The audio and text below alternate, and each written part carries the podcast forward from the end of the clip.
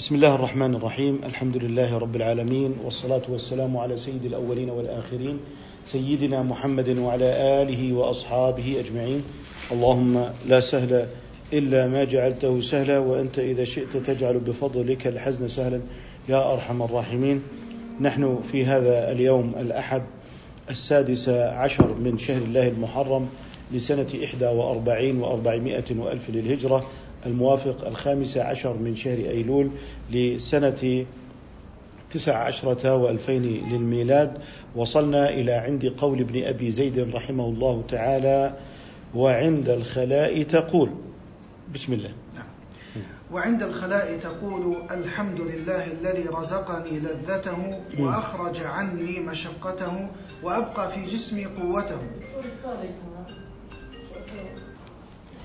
وتتعوذ من كل شيء تخافه وعندما تحل بموضع أو تجلس بمكان أو تنام فيه تقول أعوذ بكلمات الله التامات من شر ما خلق.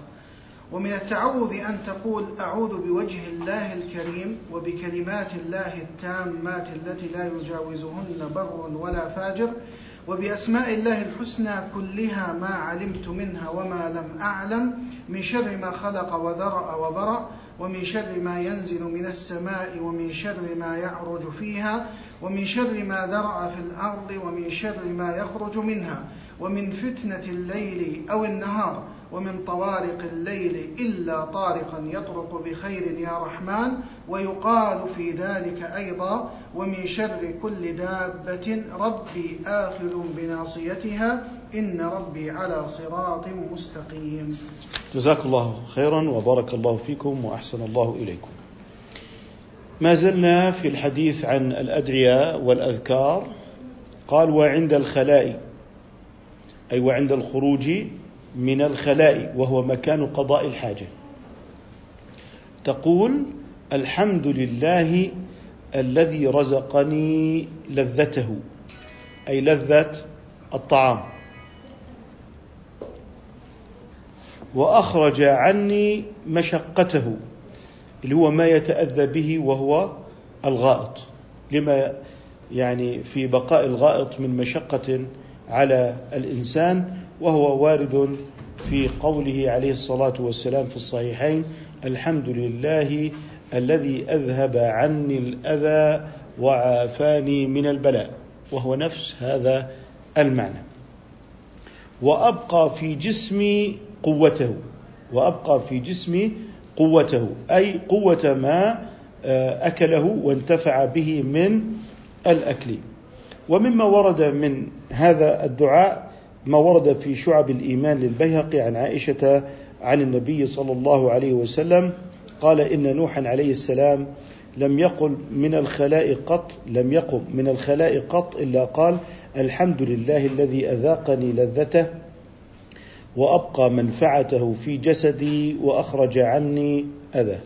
وكذلك أيضا ما ورد عن ابن عمر كان رسول الله صلى الله عليه وسلم إذا خرج من الخلاء قال الحمد لله الذي أذاقني لذته وأبقى في قوته ودفع عني أذى. وهذا في الدعاء للطبراني. أما عند الدخول فهو يقول اللهم إني أعوذ بك من الخبث والخبائث. والخبائث هن إناث الشياطين والخبث أصلها خبث ولكن السكون هنا للتخفيف مثل رسل وكتب. تقول كتب وكتب ورسل ورسل فهي للتخفيف والخبث اللي هم ذكور الشياطين.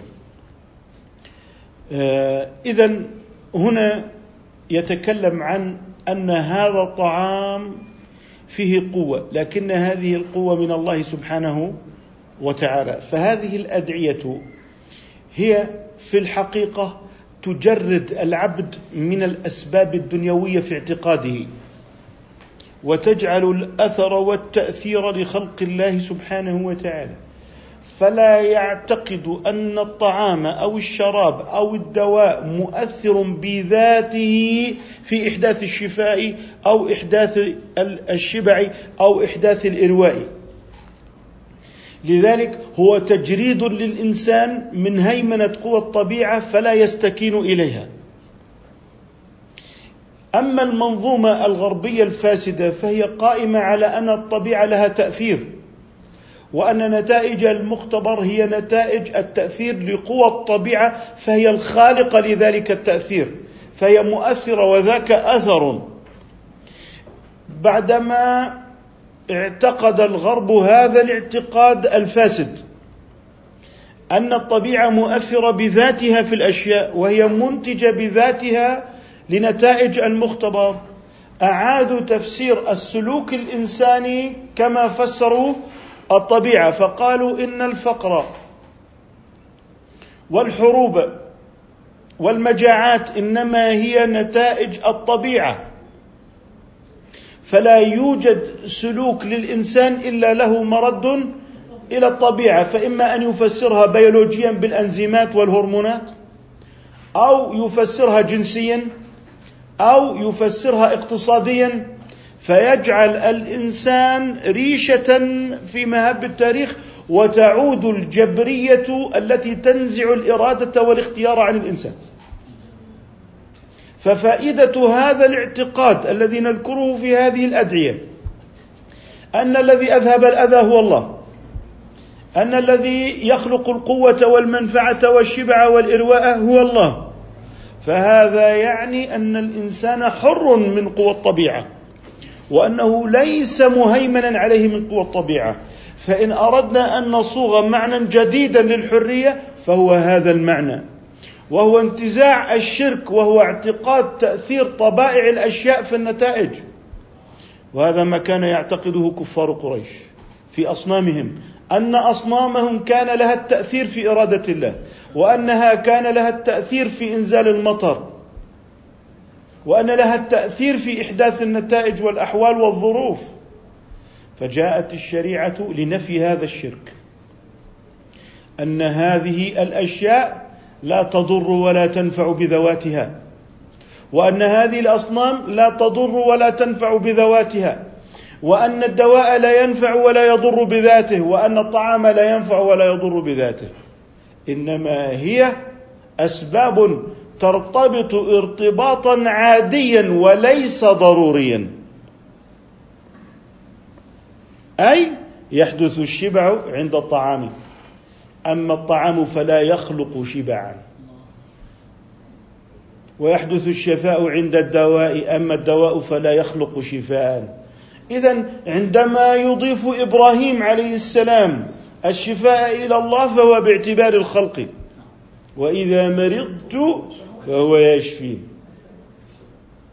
لذلك آه، الإيمان والتوحيد جاء لنزع تأثير قوى الطبيعة التي يمكن أن تهيمن على اعتقاد الإنسان كالنجوم والكواكب كالأصنام. ولم يكن الفكر الغربي المادي مختلفا كثيرا عن خرافات الدين الذي قبله. فهؤلاء أثبتوا أن التأثير للنجوم والكواكب والطبائع لطبائع الأشياء وهؤلاء اللادينيون عبدوا الطبيعة صراحة وأسندوا كل شيء إلى الطبيعة. وكل شيء إلى حركة التاريخ وصيرورة التاريخ فأصبح الإنسان مسلوب الإرادة. ثم بعد ذلك يتغنون بالحرية. من هنا حتى في طعامنا وفي شرابنا وفي شأننا اليومي نحن نوحد الله وننفي تأثير الطبائع عن الأشياء. هذا هو التوحيد. وعندما قالت أم مريم إني نذرت لك ما في بطني محررا لم يكن محررا من الحجاب ولا محررا من القيود الاجتماعية إنما كان محررا من الشرك وهو الانقياد إلى قوى الطبيعة واعتقاد تأثير المخلوقات. هذا هو مفهومنا. هذا هو الحقيقة للإنسان للإيمان. أنك تشعر أنه لا تأثير لك ولا تأثير لأحد غيرك. أبدا. إنما هي من الله سبحانه وتعالى. فعندئذ يتحرر الإنسان من قوى الطبيعة من قوى الاقتصاد ويصبح لاجئا إلى الله عز وجل ساجدا راكعا بين يديه يعلم أن الأمر بيده وحده. وهذا هو دين التوحيد. فليس آه، دين التوحيد أن يكون منقادا لحاكم ظالم أو لاقتصاد أو تهيمن عليه المشكلات المؤقتة ويصبح هذا الإنسان اسيرا لدوامة المجتمع معتقدا أنه عبارة عن سن في دولاب المجتمع. ولأن حركة المجتمع هي الطاغية عليه عندئذ هو عبد المجتمع. لذلك العقيدة الإسلامية تنتزع من قلب المؤمن جميع ما يمكن أن يؤثر في توحيده مع الله عز وجل. الله خالق كل شيء خالق الشفاء والمرض خالق النصر والهزيمة خالق الجوع والعطش والشبع والري لذلك يجد الإنسان منقادا إلى الله بقلبه واعتقاده بينما هو يتناول حبة الدواء بيده. فأثبتنا قوانين الطبيعة وأنها موجودة وكذلك أثبتنا اعتقادنا والحمد لله رب العالمين فالقانون موجود ويعمل لكنه لا ينتج بذاته لا ينتج بذاته. وهذا مسلم في الطبيعة وعلماء الفيزياء والكيمياء أن قوانين الطبيعة جوازية إمكانية لا ضرورية وهذا ما صدح به علماء العقيدة الإسلامية الأوائل مترجمين ما جاءهم عن السلف كما فعل أبو حامد الغزالي وكما فعل غيره من علماء الاعتقاد من أهل السنة والجماعة أن الشرك هو اعتقاد تأثير المخلوقات وأن هذه المخلوقات لها تأثير مع الله سبحانه وتعالى فهذا هو الشرك المخرج من ملة الإسلام. وهو شرك العرب بالأصنام وهو أنهم يعتقدون تأثير هذه الأصنام. لذلك عندما نحن نتصل بالإطفائية نستعين بفلان نستعين بالطبيب نحن لا نعتقد تاثيره فالمدار في هذا على اعتقاد التأثير في الشرك والكفر بالله. فعندما نقول إياك نعبد وإياك نستعين. إياك نستعين. لا نستعين بأحد غيرك ابدا. طيب ما معنى أنني أتصل بالطبيب عند المرض أو أتصل بالإطفائية؟ هناك استعانة نعم. لكننا نعلم أن هذا الذي سيأتي من الإطفائية يقول لا حول ولا قوة إلا بالله. فإذا لم يرد الله أن أصل فلن أصل. ففرق بين الاستعانتين.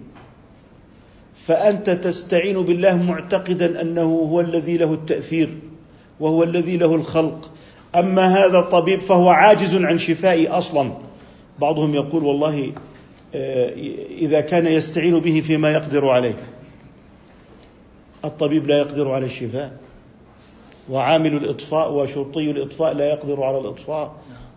لذلك إسناد هذا إلى الله إسناد خلق أفعال العباد إلى الله بوصفها أنه خالق لها.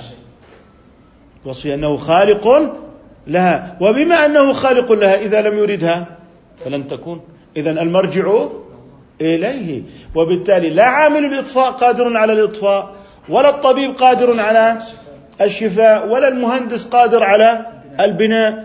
كلهم في ناحية الخلق عاجزون. لذلك التفصيل الذي نسمعه أحيانا أنه إذا استعان به فيما يقدر عليه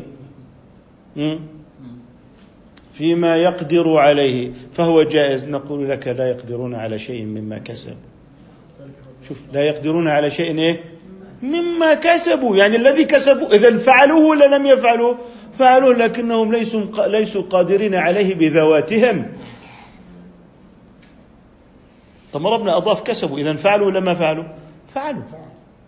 لذلك هذا هو مناط الكفر والإيمان. لذلك جاءت الشفاعة جاءت الإرادة الإلهية.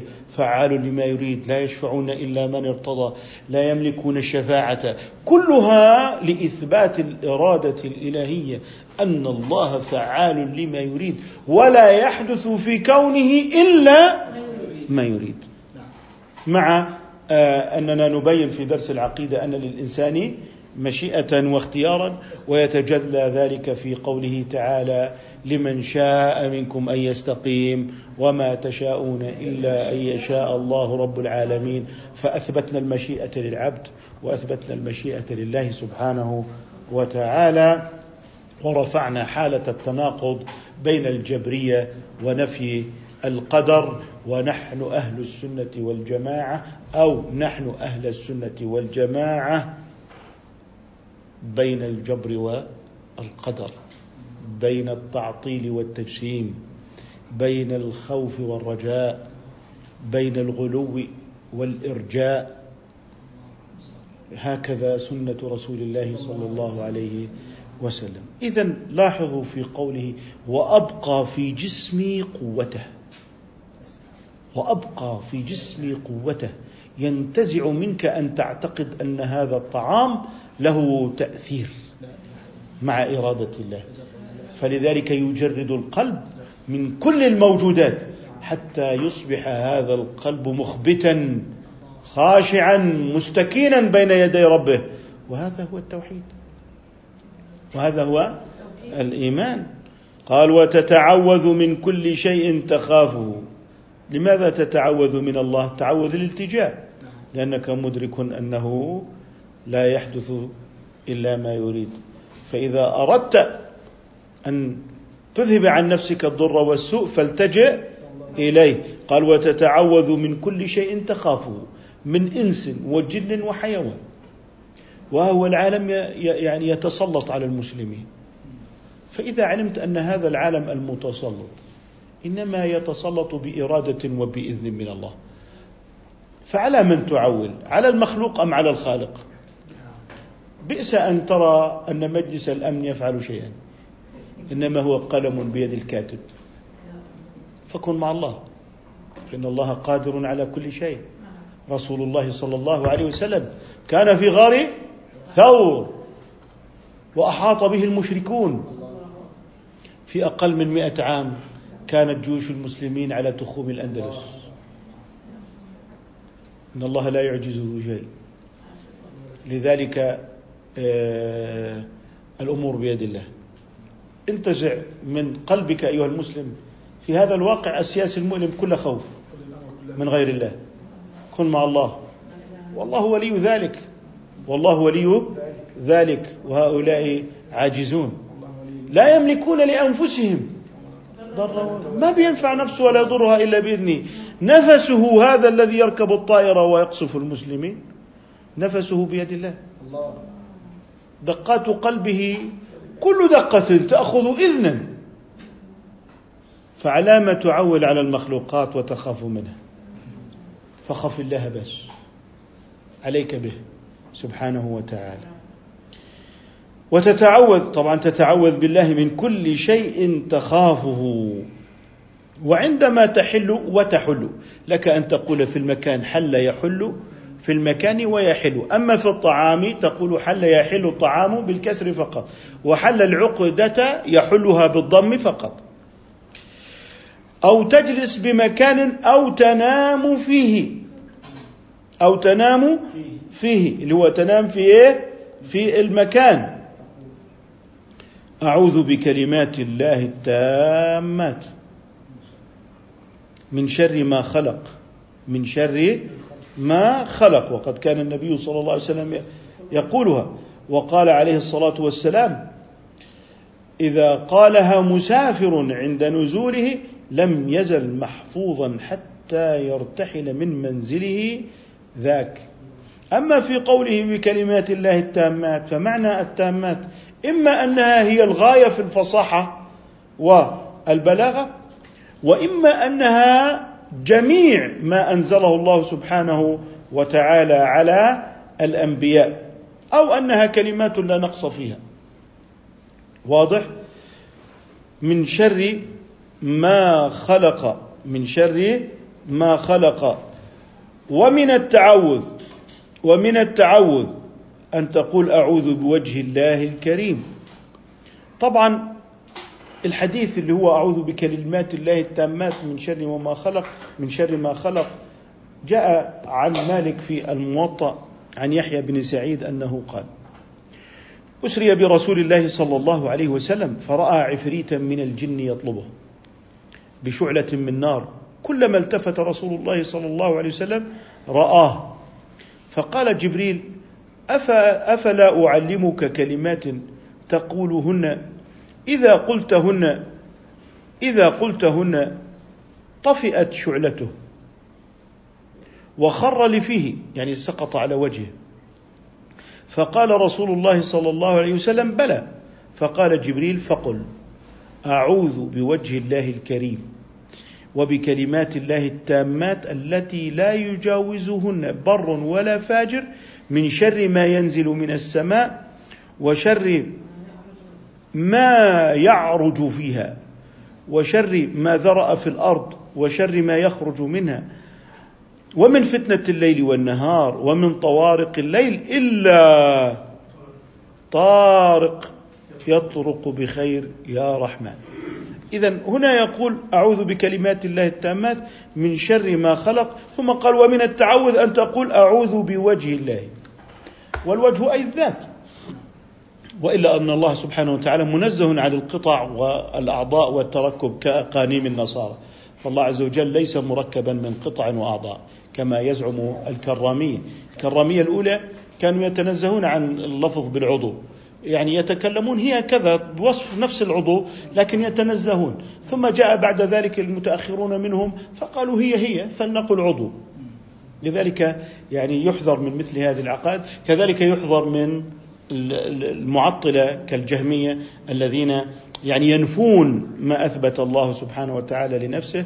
فنحن نقتصر على ما قاله السلف يد الله فوق أيديهم كما قال أحمد أمروها كيف جاءت. أما الذين يعني آه، جسموا فقد لحقوا بالكرامية.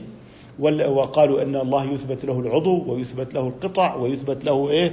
وأنها مشترك مع الناس في الحقيقة وأنها يد بمعنى العضوية أو أنه يصفها بالعضوية لكنه لا يقول عضوا ويتابع في ذلك الكرامية أو أنه ينفي الاستواء والكلام ويد واليد. نجد أن أقوال السلف اقتصرت. يد الله قالوا لله يد. لكن من يتابع الكرامية يأخذها بالتقييدات بالعضو وهذا زائد. ما قال أحد من السلف يد الله حقيقة؟ لأن كلمة حقيقة ملغزة. إذا كانت على العضو على اللغوي فهي الكف. إذا عضو. وبالتالي يعني نجد أن السلف أطلقوا. فمن قال منهم إن لله يدا وإن لله عينا فهو على إطلاق القرآن ولم يزيدوا ما زاده الكرميه المعاصرون من الحقيقة اللغوية وهي بمعنى العضو وهي بمعنى العضو والتجسيم. لذلك نحن بين التعطيل والتجسيم بين الجهمية والكرامية. فالجهمية نفوا والكرامية جسموا. نحن أثبتنا فلم نعطل ولم نجسم. واضح؟ لذلك آه، يجب أن يكون واضحا. قال ومن التعوذ أن تقول أعوذ بوجه الله الكريم وبكلمات الله التامات. كلام الله صفة من صفاته وهي صفة أزلية باقية لا ابتداء لها ولا انتهاء لأن الكلام صفة المتكلم. لأن الكلام صفة المتكلم فهي صفة أزلية بعضهم يفهم أن كلام الله النفسي بمعنى حديث النفس وكأن له جوفا. نعوذ بالله من مثل هذا. بعضهم هكذا يتوهم معنى كلمة الكلام النفسي لا. معنى الكلام النفسي أي الكلام القائم بالذات. القائم بالذات فهو صفة. كصفة العلم كصفة السمع كصفة البصر. واضح؟ كصفة البقاء. وهكذا. فصفات الله لا يطرأ عليها الانقطاع كما أنها لا يأتي عليها الابتداء. إذا هي صفة أزلية قديمة. وقد أنزل الله القرآن بحروف العربية بلغته العربية دالا على الصفة الأزلية. كما نقول إن عندما أكتب الحمد لله رب العالمين على السبورة. كلمة الله هل هي الله أم دالة على الذات؟ دالة على الذات. إذا لما أقول الحمد لله رب العالمين كلام الله دال على الصفة الأزلية لله سبحانه وتعالى. هل الكلام الذي كتبته على السبورة الدال على الله هو الصفة الأزلية؟ أم دال عليها؟ إذا الدال على الصفة الأزلية لغة. اللغة مخلوقة أم أزلية؟ مخلوقة. بحروفها وبأصواتها. بحروفها وبأصواتها. إذا نحن نقول إن ما نقرأه هو كلام الله. نعم. فأجره حتى يسمع كلام الله. لكن هل كلام الله هذا الذي سمع هو الصفة الأزلية؟ ليس الصفة الأزلية طب ما الذي سمعه؟ هو الدال على تلك الصفة. الدال هل هو مخلوق أم لا؟ مخلوق. صراعنا مع الطوائف الذين قالوا إن كلام الله مخلوق. هل كان في الجلد والحروف والحبر ولا كان في الصفة الأزلية؟ في الصفة الأزلية. فهم قالوا إما أنه كالمعتزلة أنكر أن يكون الله متكلما حقيقة فجعل الكلام مجازا. اذا ليس متكلما على الحقيقة. ونحن نقول إن الله متكلم على الحقيقة في الصفة الأزلية. كالسمع والبصر صفات أزلية. لكن الحبر الذي بين أيدينا وما نسمعه من الأصوات والحروف مخلوقات. طيب ماذا لو أن أحدهم قال إن الذي تسمعونه هو كلام الله على الحقيقة؟ الآن لابد من تفصيل. هل هو باعتبار المدلول أم باعتبار الدال؟ إذا كان باعتبار الدال فنقول هذا مخلوق دال على الكلام الأزلي الذي هو الحقيقة الوجودية الصفة الوجودية. الصفة الوجودية. المعبره عن علم الله. المعبره عن علم الله. أما الحروف والأصوات والجلد والحبر فهو مخلوق. فإذا قلت إن الصفة الأزلية موجودة في الحبر ما الفرق بين هذا وقول غلاة الصوفية بالحلول؟ إذا الذي حفظ القرآن حلت صفة الله الأزلية فيه. ولماذا تغضب من المتصوفة؟ الفلاسفة الذين يقولون بالحلول. ما الفرق بينك وبينهم؟ لذلك عندما نقول إن الصفه الأزلية الوجودية صفة من صفات الله لا تحل في مخلوقاته طيب موسى سمع كلام الله. طيب ما المانع أننا نرى الله يوم القيامة الذات العلية؟ نراها حقيقة أليس كذلك؟ هل معنى أننا رأيناه حقيقة اذا هو مخلوق؟ اذا هو متحيز في جسم اذا هو في جهة فكما أن الله سبحانه وتعالى يكشف لنا عن ذاته العلية. يوم القيامة كشف لموسى عن كلامه الحقيقي. فلذلك لا إشكال لدينا. فلا نذهب. كيف سمع موسى كلام الله؟ إذا لا بد أن يكون متحيزا حالا في الصفة الأزلية. نقول ألا بئس ما تقول أن الله أصبح حالا في مخلوقاته وحل في أذن موسى. نقول إن الله كشف لموسى عن صفة الكلام الحقيقية كما أننا يوم القيامة نرى ذاته العلية. فهل يقتضي ذلك أن نراه بالأمتار وبالتحيز وبالإحاطة؟ نقول لك إنه كشف من الله كما أنك ترى نفسك في المرآة. لا يوجد تحيز داخل المرآة. تكون واقفا أمام المرآة على بعد مسافة متر لكن كم سماكة المرآة؟ نصف سنتي. لكن المسافة التي داخل المرآة عندما تراها تقدر بالأمتار بمترين أو ثلاثة. لكن هل هذه الأمتار الثلاثة أو هذه أو المترين هل هي على الحقيقة؟ مساحة حقيقية؟ ليست مساحة حقيقية. لذلك بعضهم يقول طيب إذا كان كذلك الله ليس فوق ولا تحت نقول له أعلم الناس بربه رسول الله صلى الله عليه وسلم. وصف الله تعالى بأنه بدون حدود بدون أنت الأول ليس قبلك شيء أنت الآخر ليس بعدك شيء أنت الظاهر ليس فوقك شيء أنت الباطن ليس دونك شيء. أنت رسول الله يقول لك بالعموم ليس دونك شيء. تريد أن تفسر علو الله تفسيرا ماديا حسيا. يتوافق مع الطغيان المادي على الفكر البشري. أنك لا تستطيع أن تفهم الها إلا إذا كان متحيزا في مكان. فالله خالق المكان فكيف يكون المكان صفة له والمكان صفة محدثة؟ اذا نحن أمام إشكالية بل الدين والإيمان أمام إشكالية قديمة قبل الإسلام وهو محاولة الإنسان أن يفرض التفسير المادي على الملائكة وعلى الجنة وعلى النار وعلى الغيبيات. فكيف لا يجوز أن تطبق قوانين الدنيا المادية على هذه الغيبيات؟ فكيف بك تطبقها على خالق هذه المخلوقات؟ الغيبية. نحن أمام تناقضات في المنهج وتحكمات من قبل التحكم المادي الفلسفي المادي على الله سبحانه وتعالى وهذا هو سبب الإلحاد إخضاع الغيبيات للمادة أو البحث عن الله ضمن مواصفات المخلوقات. متحيز في مكان محدود إلى آخره من شؤون المسافات والله أعلم. إذا آه، بكلمات الله التامات التي لا يجاوزهن بر ولا فاجر. في قوله وبكلمات الله التامات التي لا يجاوزهن بر ولا فاجر. إذا أنت تستعيذ بكلمات الله التامات باللغة العربية بالجلد بالحبر. أنت تتعوذ بالمخلوقات. إذا لم تكن تعرف ما تتعوذ به فما معنى عبادتك ما معنى هذه العبادة؟ ما معنى عبادتك؟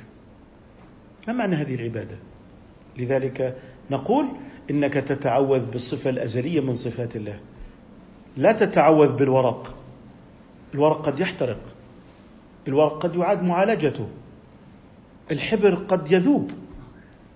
فبما تتعوذ؟ الأصوات تتلاشى في الكون. هل هذا الذي تتعوذ به؟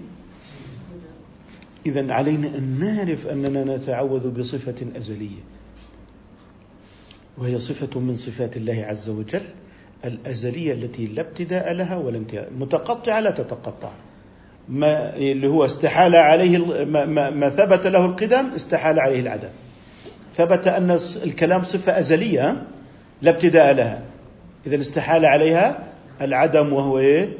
الانقطاع استحال عليها العدم وهو إيه؟ الانقطاع. لذلك لا تتعلق الإرادة بصفة الكلام. تقول والله إن الله يريد أن يسمع يسمع. إذا كان لا يريد أن يسمع فإنه لا يسمع. هذا قبيح لأن الكلام صفة أزلية. فلا يطرأ عليها الانقطاع ولا تتعلق بها الإرادة. كذلك الكلام. كالسمع والبصر. فلا نقول إن الله يتكلم متى شاء. كما أنك لا تقول إن الله يسمع متى شاء. وإن الله يبصر متى شاء. فالصفات الأزلية الواجبات لا تتعلق بها الإرادة. الواجبات لا تتعلق بها الإرادة. يعني واحد قال لو أراد الله أن يتلف آه، آه، السمع عنده. لو أرادها الله أن يعدم ذاته. هذا كلام مجنون. لأن الله تعالى واجب الوجود والإرادة لا تتعلق بالواجبات ولا بالمستحيلات. هل يستطيع الله أن يخلق ولدا له؟ واحد قال إن الله على كل شيء قدير. أعوذ بالله من الشيطان الرجيم. فإذا كان استحال الولد عليه واستحال الإله الثاني فإن الإرادة أصلا لا تتعلق بالمستحيلات ولا تتعلق بالإيه؟ بالواجبات. إذا علينا أن ندرك تماما معنى أننا نستعيذ بكلمات الله التامات. أنك لا تستعين بالمخلوقات. وأن الكرامية جعلوا مرجع الكلام الإرادة. وأن الله يحدث كلاما في ذاته. وبحرف وبصوت. ولذلك وقعوا في هذه المهلكة. والحروف والأصوات هي لغات. ما تعريف اللغة؟ أصوات يعبر بها كل قوم عن أغراضهم. هذا تعريف اللغة. إذا نحن في إطارنا العقدي الإسلامي إما هناك من يتجه نحو النفي في صفات الله فيتحول هذا الإله إلى شيء مطلق في الذهن غير وجود حقيقي. واضح؟ وإما من يذهب مذهبا بعيدا في موضوع التجسيم وهو مذهب الكراميه اذا نحن في صراع مع التاريخ مع الجهمية المعطلة النفاة للصفات ومع الكرامية المجسمة الذين يثبتون لله صفات المخلوقات. فيثبتون الأعضاء ويثبتون المادة والصفة المادية. ويقيسون الله بالمسافات. لذلك الكرامية محجوجون حجج قوية عندما قالوا إن الله فوق العالم فوقية مادية. قيل لهم إن هذا يعني أن الله محدود من جهة السفل وممتد من بقية الجهات الخمس. والمحدود نقص.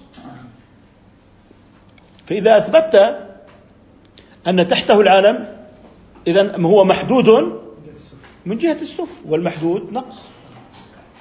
كيف يكون كبير؟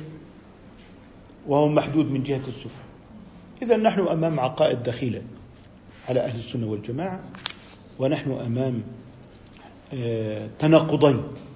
علينا أن ننتبه إلى هذين التناقضين انتباها جيدا. واضح؟ طيب. قال التي لا يجاوزهن بر ولا فاجر أي لا يبلغ من تحصن بهذه الكلمات أذى من بر أو من فاجر. طيب من فاجر واضح إنه أذى الفاجر أنه يؤذيك. طب والبر؟ البر ممكن يعني يؤذيك بالخطأ يرتكب معك حادث وإذا به رجل من الصالحين. صحيح؟ إذا من يتحصن بهن فهو محمي من كل أذى سواء كان الأذى من البر أو من الفاجر. واضح؟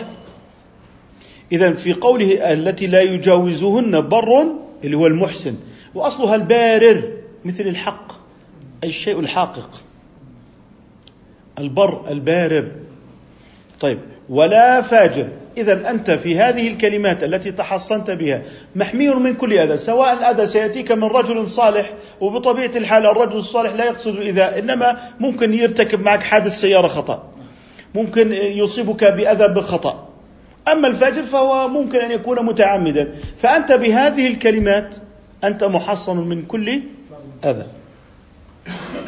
وبأسماء الله الحسنى وسميت بذلك لما فيها من المعاني الحسنة من تحميد وتشريف.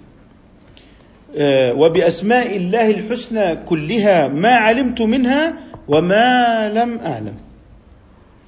بعضهم يقول إنه في علوم لكن يقول الله لم يتعبدنا بالجهل. طيب آه، الرسول صلى الله عليه وسلم علم علوما نحن لا نعلمها. اللهم إني أعوذ آه، لو قال لهم لو تعلمون ما أعلم. لكنك لا يتعلق بك تكليف بها.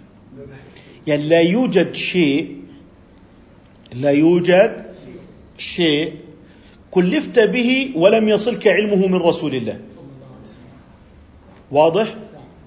لكن هناك أشياء وعلوم دينية أنت لا تحتاجها ولا يتعلق بها تكليف ولا فائدة من إبلاغك بها لأنها لا يتعلق بها بالنسبة لك تكليف فهذه علمها رسول الله ولم يعلمك إياها. واضح؟ طيب المتشابه عندما نقول إن الله سبحانه وتعالى آه، أعطانا آيات متشابهات. نون لا نعلم ما معناها لأنها حرف والعرب لم تضع لها معنى. ربما صارت اسما للسورة بالغلبة. أقول سورة نون. سورة نون سورة قاف سورة صاد. صارت اسما بالغلبة فهي أفادت. يعني لا يوجد شيء بلا فائدة لا فيه فائدة. لكنني أتكلم الآن ليس عن أنها مفيدة أو غير مفيدة. أنا أتكلم عن المعنى. هل أقول ليس لها معنى؟ أقول لها معنى علمه الله. لكن هل لدي من أدوات اللغة والأصول ما يمكنني من معرفة هذا المعنى؟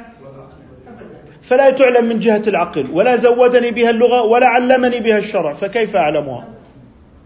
لا يدركها العقل ولا تدل عليها اللغة ولم يعلمني إياها الشرع فكيف أعرفها؟ إذا تشابهت ما واجبي؟ الله أعلم بمعنى الله أعلم بمعنى. وهذا موقف المؤمنين آمنا به كل من عند ربنا. طيب واللي متتبع للتشابه متشابه فهؤلاء الذين في قلوبهم زيغ طيب كيف تصلون المعنى إذا لم تعرفوا أدوات معرفة المعنى؟ لا من لغة ولا من شرع ولا من عقل ولا من عادة. فكيف تعرفون؟ إذا أنتم تتبعتم شيء لا نهاية له. فعندئذ ستفترقون وستقع هذه الأمة في الفرقة. فعندما أحدث المحدثون من إعادة تفسير صفات الله تفسيرا ماديا واستخدموا إطلاقات السلف وحرفوها عن معانيها وقعت الأمة في الفرقة ووقعت الأمة في الخلاف والشقاق واضح؟ إذا المتشابه لا سبيل لنا لمعرفته من جهة الوضع ولا من جهة الشرع ولا من جهة القياس ولا من جهة العادة والتجريب ولا من جهة العقل ففوضنا معناه. ففوضنا معناه. واحد يقول هل تعبدنا الله بالجهل؟ لا. تعبدنا بالوقوف حيث أوقفنا. لم نتعبد بالجهل. إنما تعبدنا بالوقوف حيث أوقفنا. فلا نقتحم لأننا لا نملك أدوات المعرفة لكشف المتشابهات. ويقول الصديق رضي الله تعالى عنه العجز عن الإدراك إدراك. إذا كونك لا تعرف الذات لا تعرف الذات. هذا ليس جهلا. فالإدراك للذات مستحيل وبالتالي ليس جهلا. ما تعرف الجهل؟ قال والجهل جاء في المذهب المحمود وهو انتفاء العلم بالمقصود. فلا يوصف من لم يعرف ذات الله أنه جاهل لماذا؟ لأن ذات الله لا تقصد بالمعرفة. إنما يوصف أنه جاهل بالطب لأن الطب يقصد بالمعرفة ولنا أدوات لمعرفته. لا يعرف الهندسة جاهل بها. اذا لأنها تتعلم ومن شأنها أن تتعلم. أما ما كان من شأنه أن لا يعلم فلا يوصف من لا يعرفه بالجاهل. إنما يوصف من لا يعرفه كالمتشابهات بالمؤمن المصدق. الذي آمن ووقف حيث أوقفه الله سبحانه وتعالى. اذا عندما آه، يصف رسول الله صلى الله عليه وسلم النبي آه، وهو أعلم الناس بربه ليس دونك شيء. كيف تقول إن تحته العرش تحتية مادية تحتية المسافة؟ كيف تفعل ذلك؟ تحتية مادية كم؟ سنة ضوئية. تحتية مادية. قس. إذا أخضعت الخالق لأقيسة المخلوقات. وخالفت سنة نبيك. وخالفت أقوال السلف. لم يقل السلف بهذا. أما إذا أردت أن تعيد تفسير أقوال السلف على مذهب الكرامية فهذا شأن آخر. لله يد آمنا بأن لله يد. طالما أنه قال يد الله إضافة والإضافة مقدر عليها معنى لي. مفتاح الدار أي للدار سيارة سعيد أي لسعيد؟ فقلنا لله يد. لله يد.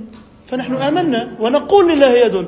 لكننا الإشكال هل هذه اليد عضو مركب؟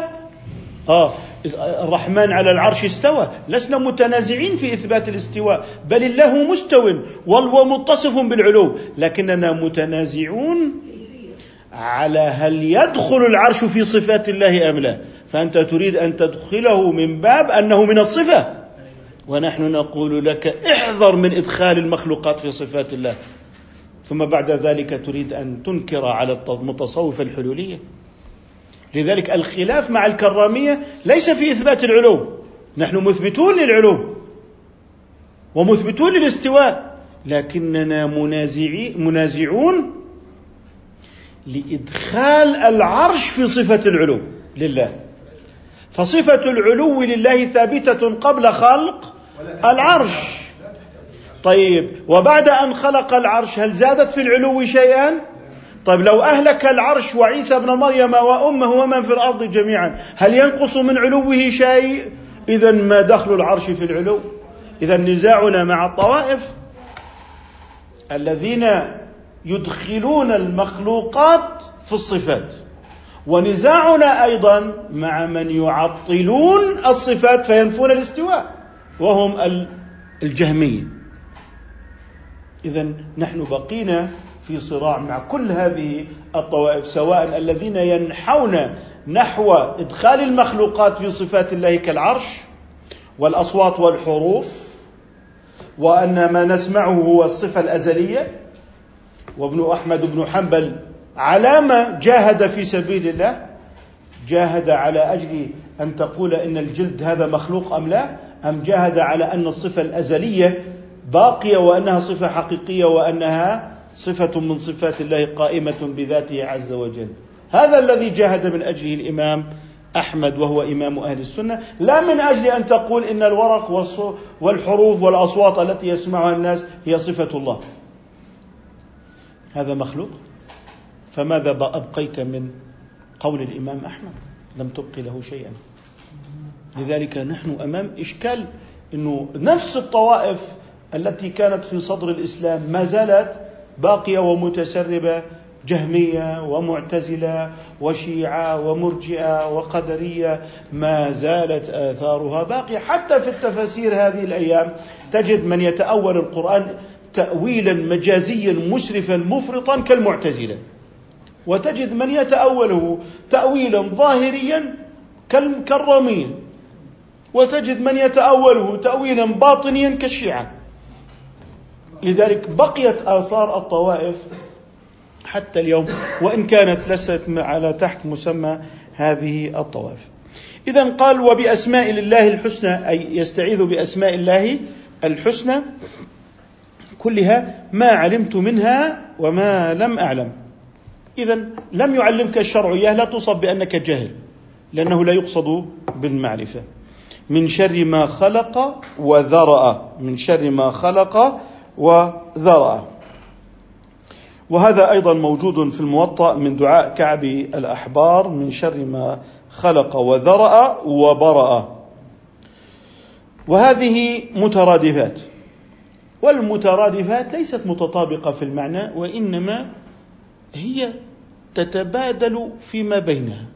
أن تقول الإنسان مخلوق مكرم البشر خلق الله. طب لو قلت الإنسان خلق الله صحيح. والبشر مخلوقات مكرمة صحيحة فمعنى الترادف إمكان استعمال مفردة مكان أخرى وليس يعني أنها متطابقة في المعنى. لذلك في الكلام اللي هو موضوع آه، خلق وذرأ وبرأ كل واحدة لها معنى مختلف لكنها تتبادل بوصفها مترادفات أي حيث يجوز استعمال كلمة محل الأخرى. فعندما تقول خلق أي أوجد من العدم وأنشأه وقدر له صورة وقدر له صورة. وعندما تقول البارئ أي الذي خلق الناس من التراب. من إيه؟ التراب. أولئك هم شر البرية. أي المخلوقات التي برأها برية بمعنى اسم المفعول. أي براها الله وبرأها. أي براها وبرأها من التراب كقولك بريت القلم. بريت القلم. لذلك نجد أن خلق هنا تختلف عن معنى برأ ذرأ معناها نشر. معناها إيه؟ نشر. يعني لاحظ انتشار يعني عندما تقول ذرأ ماذا تنظر في البشرية؟ أنها منتشرة على بسيطة الأرض. إذا لما نقول ذرأ نلحظ معنى إيه؟ الانتشار. طب خلق معنى إيه؟ العدم أنه أخرجه من العدم وأعطاه الصورة. طب البارئ أنه براه كما يبرى من التراب. إذا كل واحدة أدت معنى مختلفا وإن كانت كل كلمه تؤدي مكان أختها. مثل الحطمة. مثل إيه؟ الحطمة. وجهنم. عذاب جهنم وعذاب الحطمة. لكن سميت الحطمة لأنها تحطم ما يدخل فيها. والجه وجهنم العميقة. ويقال بئر جهنم أي بئر إيه؟ عميقة. لكن الحطمة تكون بمعنى اللي هو أنها تحطم ما يدخل فيها. البشر ظهرت بشرته. إنسان من الأنس. جاز استخدام إحدى الكلمتين محل الأخرى. وإن كان هناك فيما بينها إيه، اختلاف في المعنى. إذا كيف أميز بين المترادفات؟ بالاشتقاق. برد الكلمة إلى اشتقاقها. إلى اشتقاقها واضح؟ مثل بشر وإنسان. مثل ذرأ أو برأ أو خلق. مثل حطمة وجهنم. وهكذا. قال ومن شر ما ينزل من السماء ما ينزل من السماء مثل الصواعق والأمطار والفيضانات. ومن شر ما يعرج فيها من الأعمال السيئة التي تصعد إلى الله سبحانه وتعالى فهي المسببة للبلاء. ظهر الفساد في البر والبحر بما كسبت أيدي الناس. اذا أنت عندما من شر ما ينزل من السماء كالمطر والفيضانات والصواعق وما إلى ذلك. من شر ما يعرج فيها أي يعرج في السماء من الأعمال السيئة التي تكون سببا في نزول البلاء بسبب هذه الذنوب. ومن شر ما ذرأ في الأرض لك أن تقول خلق ولكن عندما نتكلم ذرأ ونفرق بينها وبين خلق نلاحظ الانتشار نلاحظ الانتشار. ومن شر ما يخرج منها كالحيات والبراكين التي تخرج من الأرض. ومن فتنة الليل والنهار. الفتن في الليل معروفة آه، بسبب كونه ساترا والنهار بسبب كونه خروج للكسب والرزق. فتنة الرزق في النهار وفتنة الخفاء والاستتار في الليل.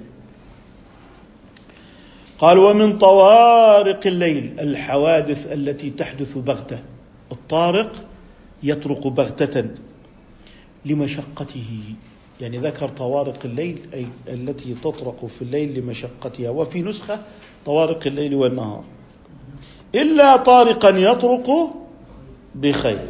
إلا طارقا يطرق أي يأتيك ببشارة بعمل صالح بما يدلك أي بشيء خير. إذا يتعوذ من طوارق الشر. يا رحمن. طبعا ويقال ذلك أيضا ومن شر كل دابة. ومن شر إيه؟ كل دابة. اللي هو أن الله سبحانه من شر كل دابة. ربي آخذ بناصيتها. الآن بدنا نتكلم في موضوع اللي هو الدابة التي أخذ الله بناصيتها. أحيانا هناك تفسير على أنه علمي. أن مقدم رأس الدابة هو مركز الاقتياد لهذه الدابة والتوجيه. هو الرأس كله في ممكن مركز يكون الاقتياد والتوجيه. لكن هذه آخذ بناصيته هل هذا هو المعنى المطلوب؟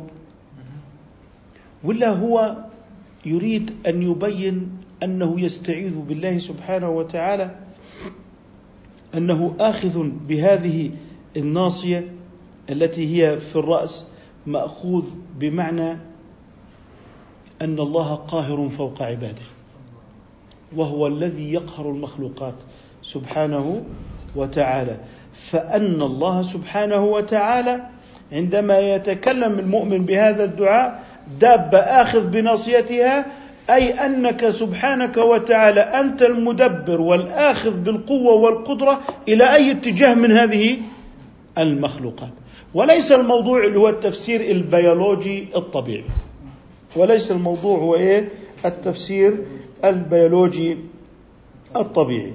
كذلك فيما هو ناصية كل شيء وهو مكان الشرف منه والاقتياد وما إلى ذلك.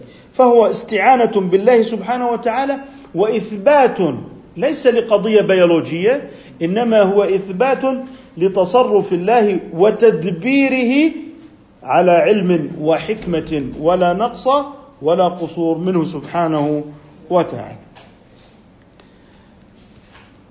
لذلك معنى الأخذ بالناصية أي القهر والغلبة. وهو القاهر فوق عباده. واضح؟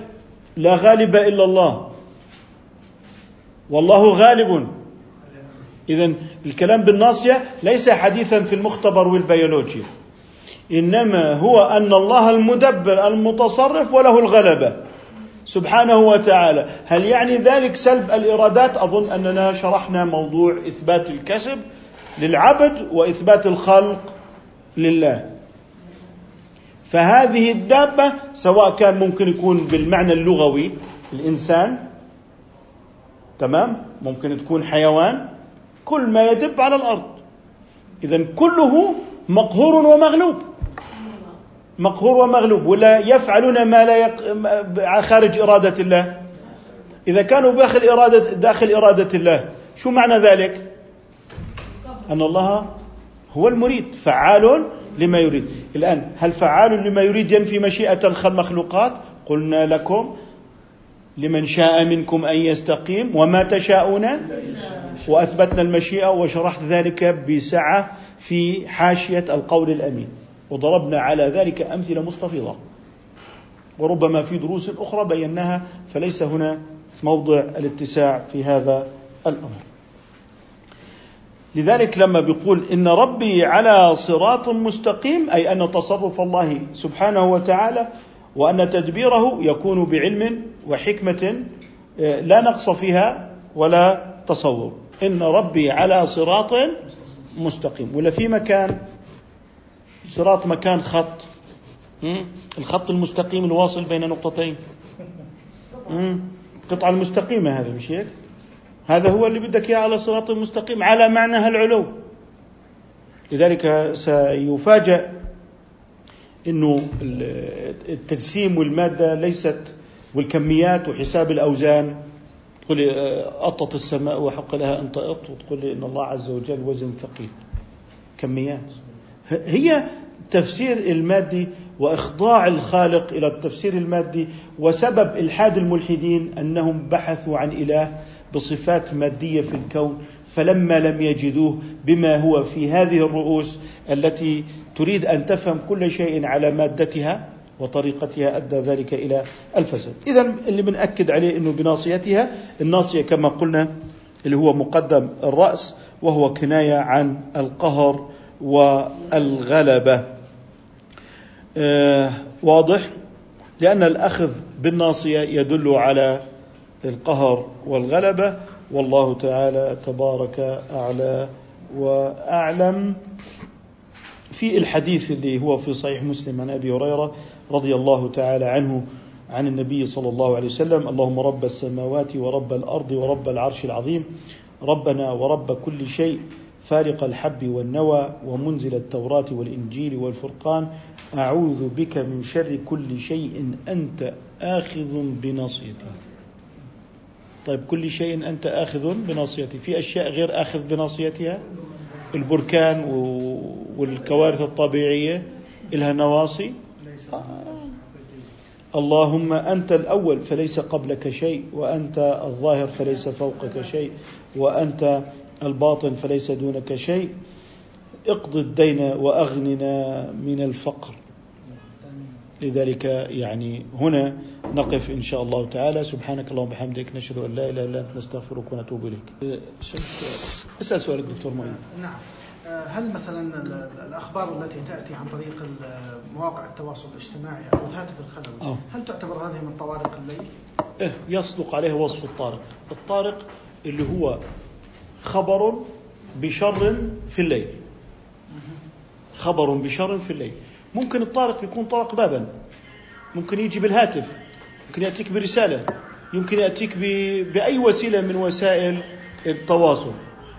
نكتفي بهذا القدر إن شاء الله تعالى. سبحانك اللهم وبحمدك نشهد أن لا إله إلا أنت نستغفرك ونتوب إليك.